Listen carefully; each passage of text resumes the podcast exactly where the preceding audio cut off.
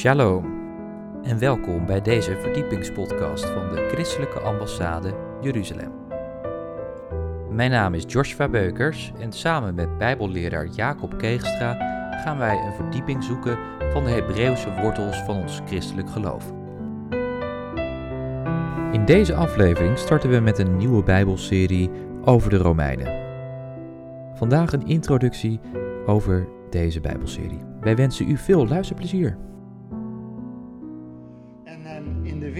Is nu eh 9-11, hè? En iedereen weet vast nog waar hij op dat moment was. Dat, dat is heel vreemd. Twintig jaar geleden. Ik was aan het lesgeven aan de MBA. Ja, want dat was voor onze tijd, eh smiddags kwart over vier of zo. kwam uit. Ja. Maar we hebben hier vandaag een andere 9-11. Romeinen 9-11. Mensen, ehm, in de VZ wordt nu aantal zondagen Romeinen 1 tot 8 behandeld. Prima. Maar de verdieping is altijd in het leerhuis. Nou, ook deze themaochtenden, verdieping. Want Romeinen 1 tot 8 is nog maar de inleiding. De kern staat in Romeinen 9 tot 11 van die Romeinenbrief. En ik doe net als Paulus, wat in Handelingen 20 staat. Ik heb niet nagelaten u al de raad Gods te verkondigen. Jongens, we moeten gevoed worden door het woord.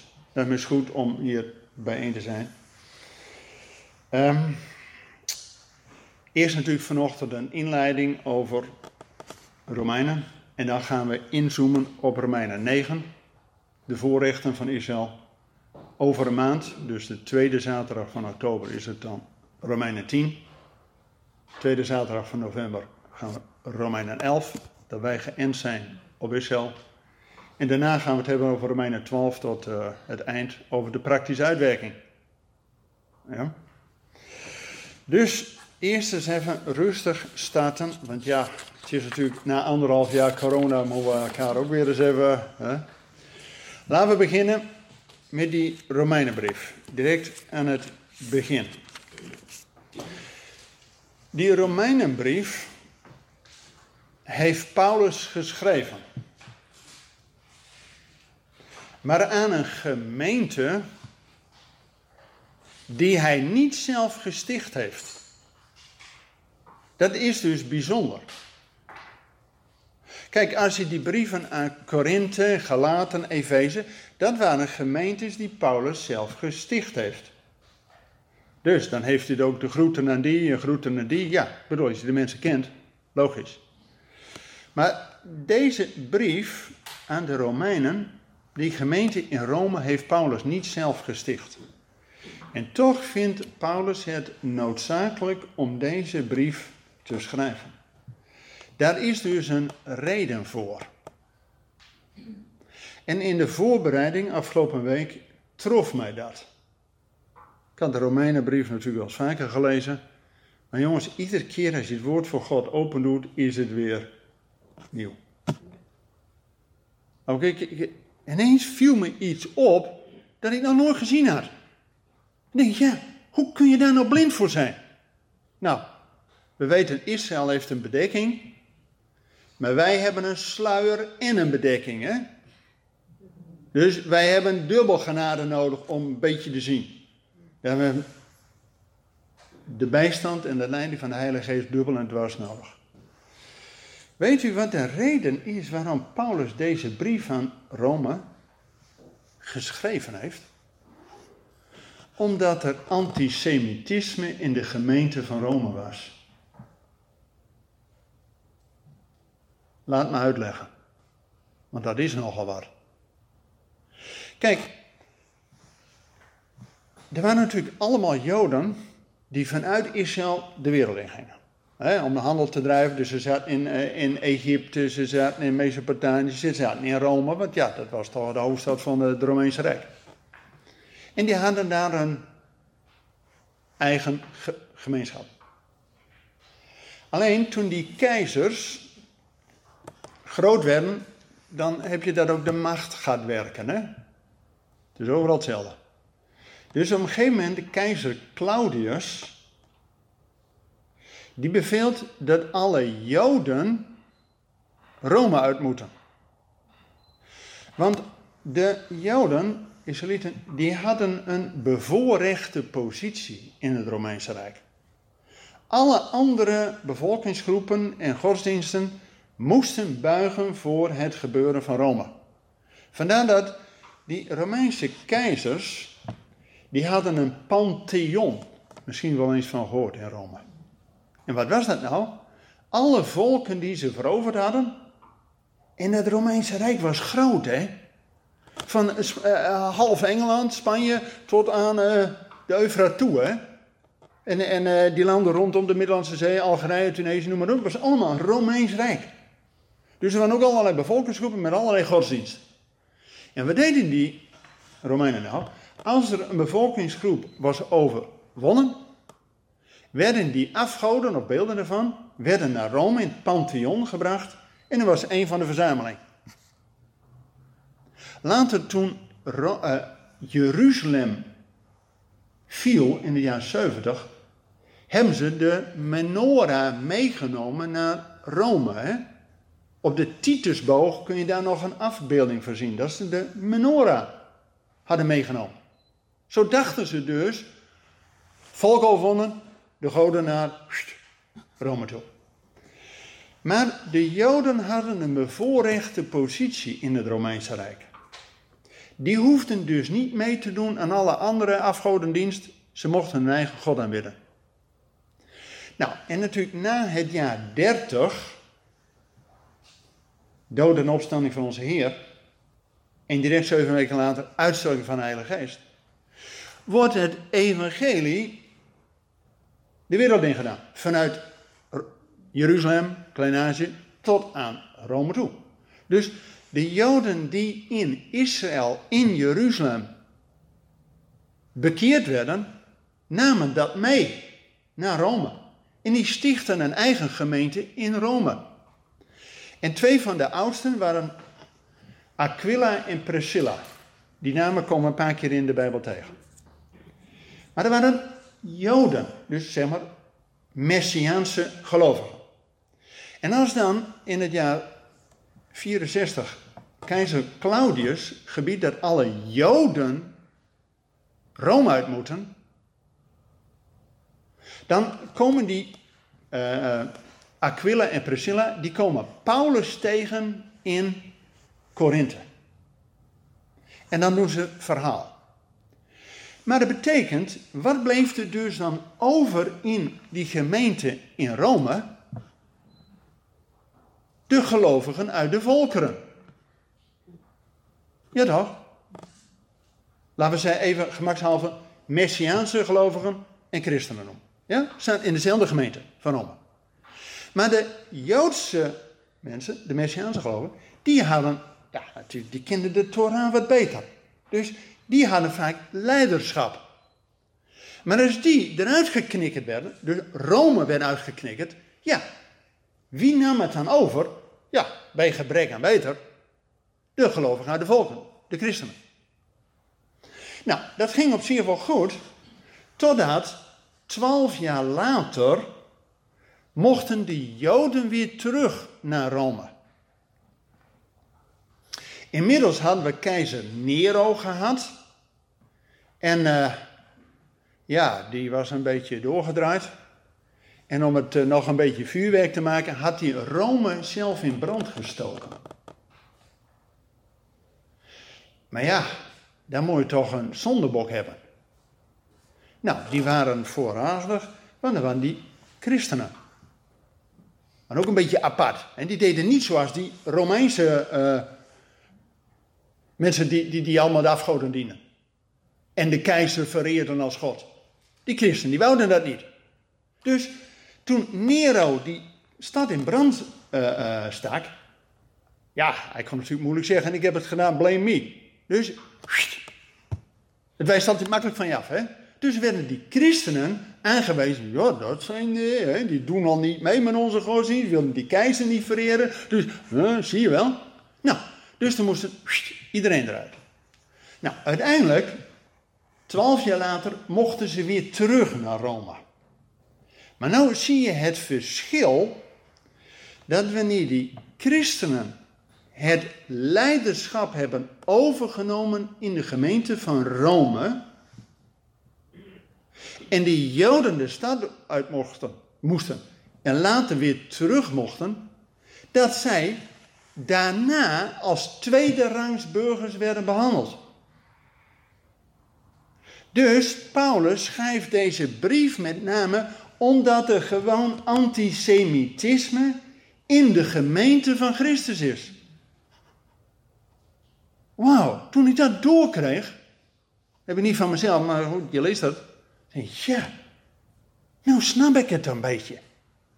En dus ook in veel kerken, ook de reformatorische kerken, noem alles maar op. Jongens, Romeinen 1 tot 8 vindt men prima. En dan Romeinen 12 tot 16. Maar precies de kern, de reden van de brief, dat er antisemitisme is in de gemeente, wordt overgeslagen. Nou, dan is het goed om hier bij elkaar te zijn, om Romeinen 19 en 11, dat is de kern van die, van die brief, de reden van de brief, om daar gewoon met z'n allen over na te denken. Want veel kerken, kijk, ik wil niks beschuldigen, maar er is toch heel veel vervangingstheologie. Dan is er geen openlijk antisemitisme, want ja, dat is niet, uh, dat mag niet, hè? Dat, nee, dat is niet populair. Maar vervangingstheologie is nog zeer levendig, hè? Dat de kerk in plaats van Israël. Met andere woorden, de christenen in plaats van de Messiaanse gelovigen. En die Messiaanse gelovigen, ah, nou, nou ja. Uh, als je bekeert mag je er misschien bij, maar anders uh, stilhouden. Jongens, dat is de reden waarom Paulus, die hij, die gemeente dus niet zelf gesticht heeft, toch hun de langste brief van het Nieuwe Testament stuurt. Nou, je hebt misschien dit boek uh, wel eens gezien. En anders, uh, nou. En we hebben deze themaochtenden het Hebreeuwse lezen van de Bijbel. Nou, hier staat onder andere in, als je de Romeinenbrief bekijkt, net zoals alle andere onderdelen van de schrift, dat het als God iets bekend wil maken, dan geeft hij begin en eind aan. Dat is het kader. Dus, eerst hoofdstuk belangrijk, het laatste. Maar de kern staat in het midden. Nou, laten we eens kijken hoe die indeling is met Hebreeuwse oren van Romeinen. Want u weet misschien, de brief aan de Romeinen, die komt altijd weer naar boven als het spannend wordt in de kerkgeschiedenis. Bijvoorbeeld met de Reformatie. Jongens, wat we van Luther allemaal willen zeggen, prima. Maar wel één krachtig iets van Luther is Romeinen 5, hè? Dat we rechtvaardiging van de zondaar. Dat is gewoon wat Psalm 32 ook al zegt, maar dat staat ook in Romein. Dus het feit dat de reformatie, en met name de boekdrukkunst die het mogelijk werd, dat mensen ook de Bijbel weer gingen lezen, op basis van Romeinen 5. Rechtvaardiging van de zondaar. Door geloof. Dus de Romeinenbrief was basis van de Reformatie. Na de Tweede Wereldoorlog, ja, dat zaten we natuurlijk toch een beetje met Auschwitz. Hè? Hoe moet het nou in de theologie? Theologie naar Auschwitz, misschien wel eens van gehoord. Want jongens, het feit dat Auschwitz kon gebeuren, heeft alles te maken dat wij de Romeinenbrief niet gedaan hebben. Misschien wel gelezen hebben, maar niet gedaan hebben. Want Hitler en zijn handlangers kon de holocaust pas uitvoeren omdat er 2000 jaar lang in de kerkgeschiedenis vervangingstheologie is gepredikt. Van de Joden, nou. En als je eerst aan de kant zet, nou dan kun je ze vervolgens ook wel uh, dumpen. Jongens, Hitler had geen kans gehad als wij een andere positie ten opzichte van Israël. Weet u wat? Even, even eh, we hebben pas uh, november. Maar Romeinen 11 kent u allemaal. Wij worden opgeroepen om Israël tot jaloersheid te brengen. Nou, dat is even wat anders dan uh, dumpen in de goot. Ja, toch? Lijkt mij wel. Nou, dus na de oorlog was de grote theoloog Karl Barth, zeg je misschien niks, de Kirchliche Dogmatik geschreven, twaalfdelig, zo'n end, hè? Jongens, die heeft een enorme impact gehad. En het ging erom dat we Romeinen nou eens keer moeten doen wat er staat. Dat we Israël tot jaloersheid moeten brengen. Dat is, jongens, schrijft u zo'n theologische handen, eh, twaalfdelig, hè? Gaat maar over één ding. Israël is Israël. Nou, hebben we 2000 jaar werk over gehad, hè, om dat een beetje te snappen. Dus, welkom dat u er bent. Nou, ik hoop dat u een Bijbel bij u hebt, want uh, we hebben natuurlijk ergens uh, de PowerPoint, maar uh, gaat niks boven je eigen Bijbel. Hè? Dus Romeinen 1. U kent die tekst allemaal. Vers 16. Hè, maar boven staat de kern van de brief. Want ik schaam mij niet voor het evangelie van Christus, want het is een kracht van God tot zaligheid voor ieder die gelooft, eerst voor de Jood en ook voor de Griek. Want gerechtigheid van God wordt daarin geopenbaard uit geloof tot geloof, zoals geschreven staat, de rechtvaardige zal uit geloof leven. Amen. Dus we draaien het hier om? Geloof. Nou, dan zegt iedereen in de kerk amen. Maar wacht even. Hoe kan het nou dat hier staat het evangelie eerst voor de Jood en dan ook voor de Griek? Hoe kan dat nou? Jongens, over het algemeen wordt er in de kerk gewoon gezegd: het evangelie is begonnen bij Handelingen 2. Uitstorting van de Heilige Geest en toen Eerst 120 in de bovenstaal. En uh, die konden hun mond niet houden. Dus ging er als lopenvuurtje. En, hè, prima. Dat is de algemene gedachte. Maar hoe kan dat nou dat hier staat: het evangelie is eerst voor de Jood, maar dan ook voor de Griek? Kan dat nou? Hou me even vast. Precies aan het eind van de Romeinenbrief dus weet je wel, we zijn eerst bezig begin en eind. Hè? Alpha en omega, alef en de taf. Dus uh, even op het eind. Romeinen 16. Nou, dan uh, sluit hij af met allemaal groeten. En dan vers 24, 25, 26, 27. Daar staat Romeinen 16. De genade van onze Heer Jezus Christus zijn met u allen. Amen. Dus dat is helemaal de zegelspraak. En dan komt hij. Toegift. Zo'n PS. Postscriptum. Hem nu die in staat is u vast te doen staan overeenkomstig mijn evangelie. En de prediking van Jezus Christus.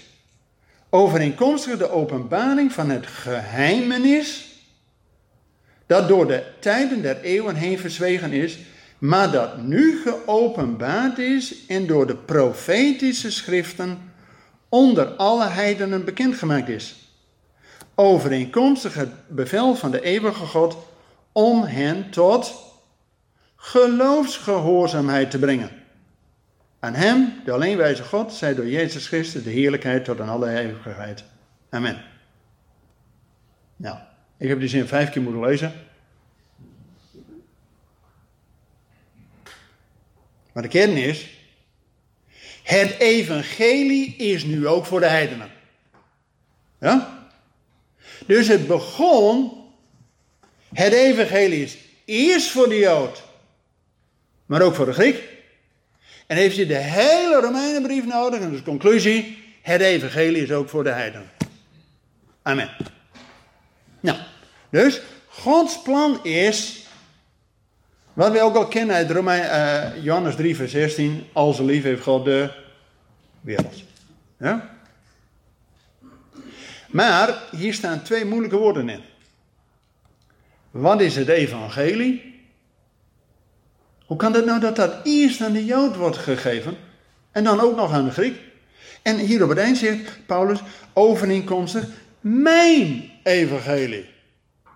Hallo, houdt Paulus er dan nog een beetje een eigen boodschapje op na? Ja, en er staat toch mijn evangelie. Dit is niet mijn evangelie. Dit is Paulus. Hoe kan dat?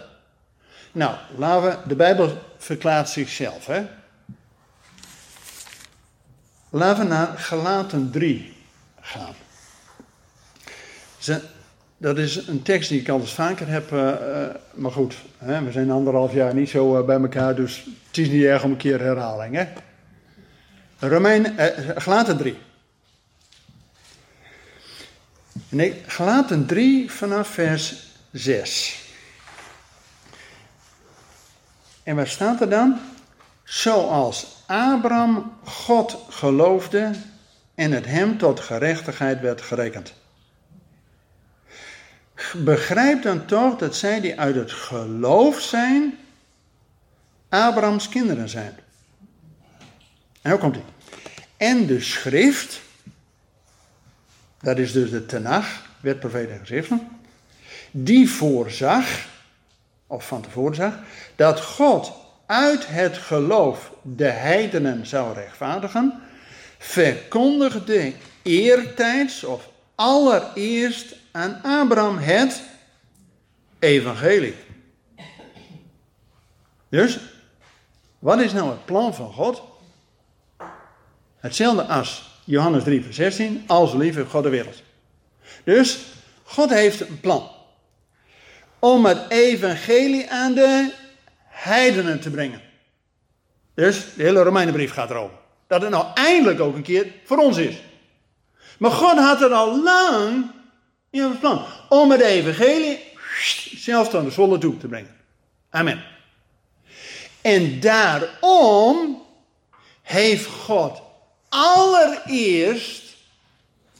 Wat betekent dat allereerst? Allereerst, hè?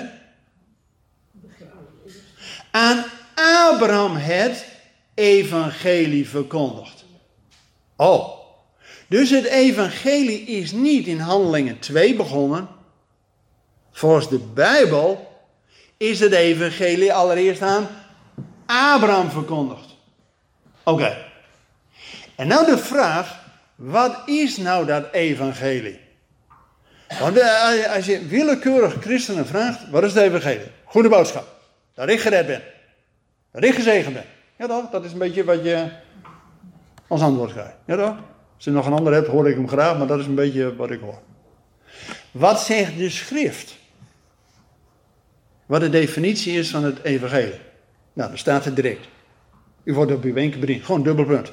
In andere woorden, het En dan staat er, in u, en over wie gaat het dan? Abraham. En Abraham was het evangelie verkondigd. En wat was dat dan? In u zullen al de volken gezegend worden. Daarom worden zij die uit het geloof zijn gezegend met de gelovige Abraham. Oh, jongens, dit, dit kost even tijd, hè? Weet u nog dat wij vorig jaar, of twee jaar geleden, hebben een hele serie gehad over de verbonden verbond met Abraham, een verbond met Mozes, het verbond met Jezus, een nieuw verbond, en het verbond van David. En die bouwen op elkaar voort. En het begint met het verbond van Abraham. En dan moet je nagaan, Abraham deed dus helemaal niks hè, bij die verbondsluiting. Hij lag gewoon te slapen. Want God deed het door die offerstukken heen. Met andere woorden, het verbond met Abraham is niet van Abraham afhankelijk, maar van God. Maar wat deed Abraham? Abraham geloofde wat God zei en deed. En daardoor werd het bevestigd. Dus het enige wat Abraham deed is God geloven. Daarom wordt Abraham ook de vader van alle gelovigen genoemd. En het evangelie is dus dat in Abraham, in Israël, zullen alle volken gezegend worden. Dat is wat de Bijbel zegt. Dat is dus het evangelie. Vandaar dat die Romeinenbrief uiteraard begint met het, ik met het evangelie niet, want het is een kracht voor ieder die gelooft tot behoud. Eerst voor de Jood. Ja, dus Abraham, Isaac, Jacob, heel Israël.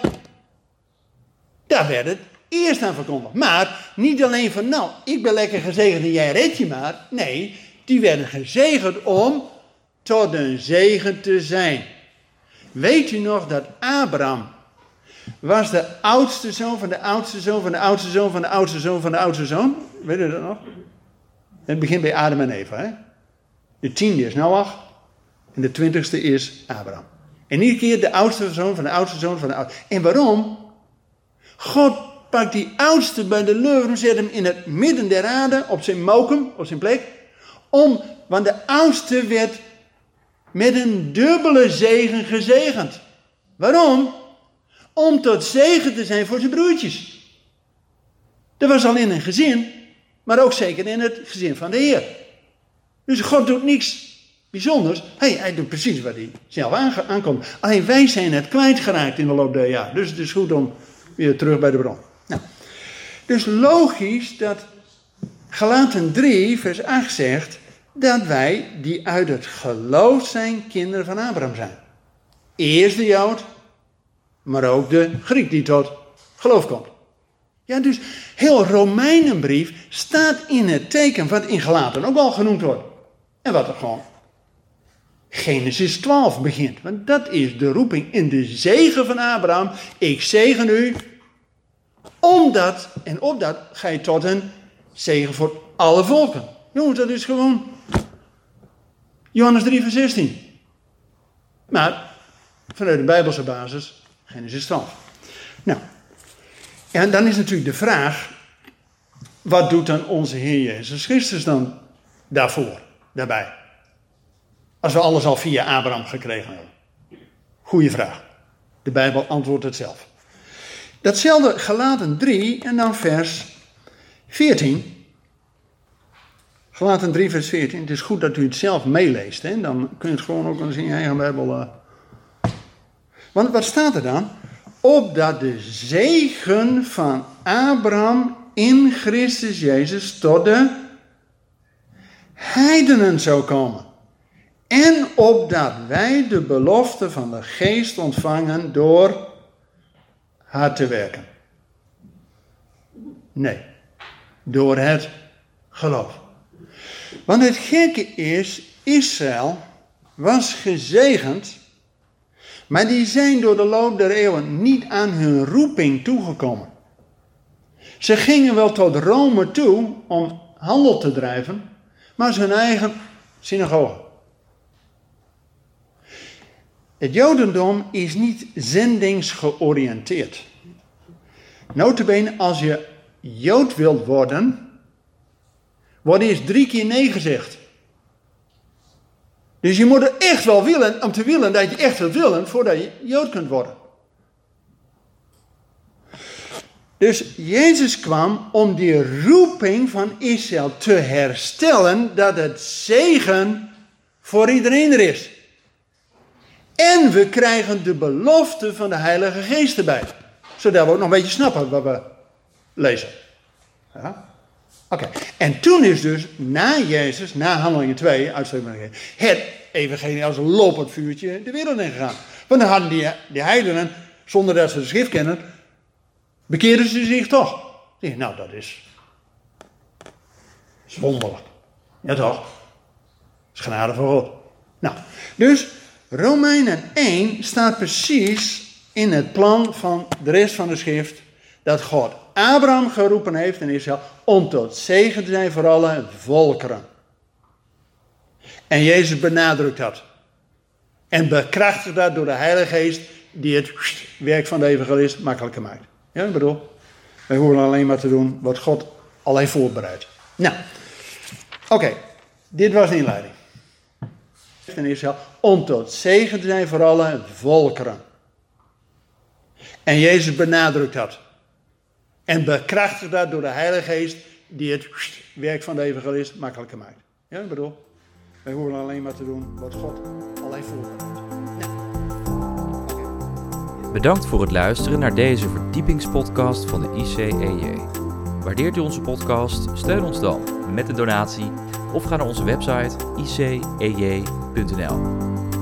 Volgende week gaan wij verder met deze Bijbelserie Zicht op Romeinen. We gaan het dan hebben over de voorrechten. Ik hoop dan dat u wederom naar ons gaat luisteren. Bedankt voor het luisteren en tot volgende week.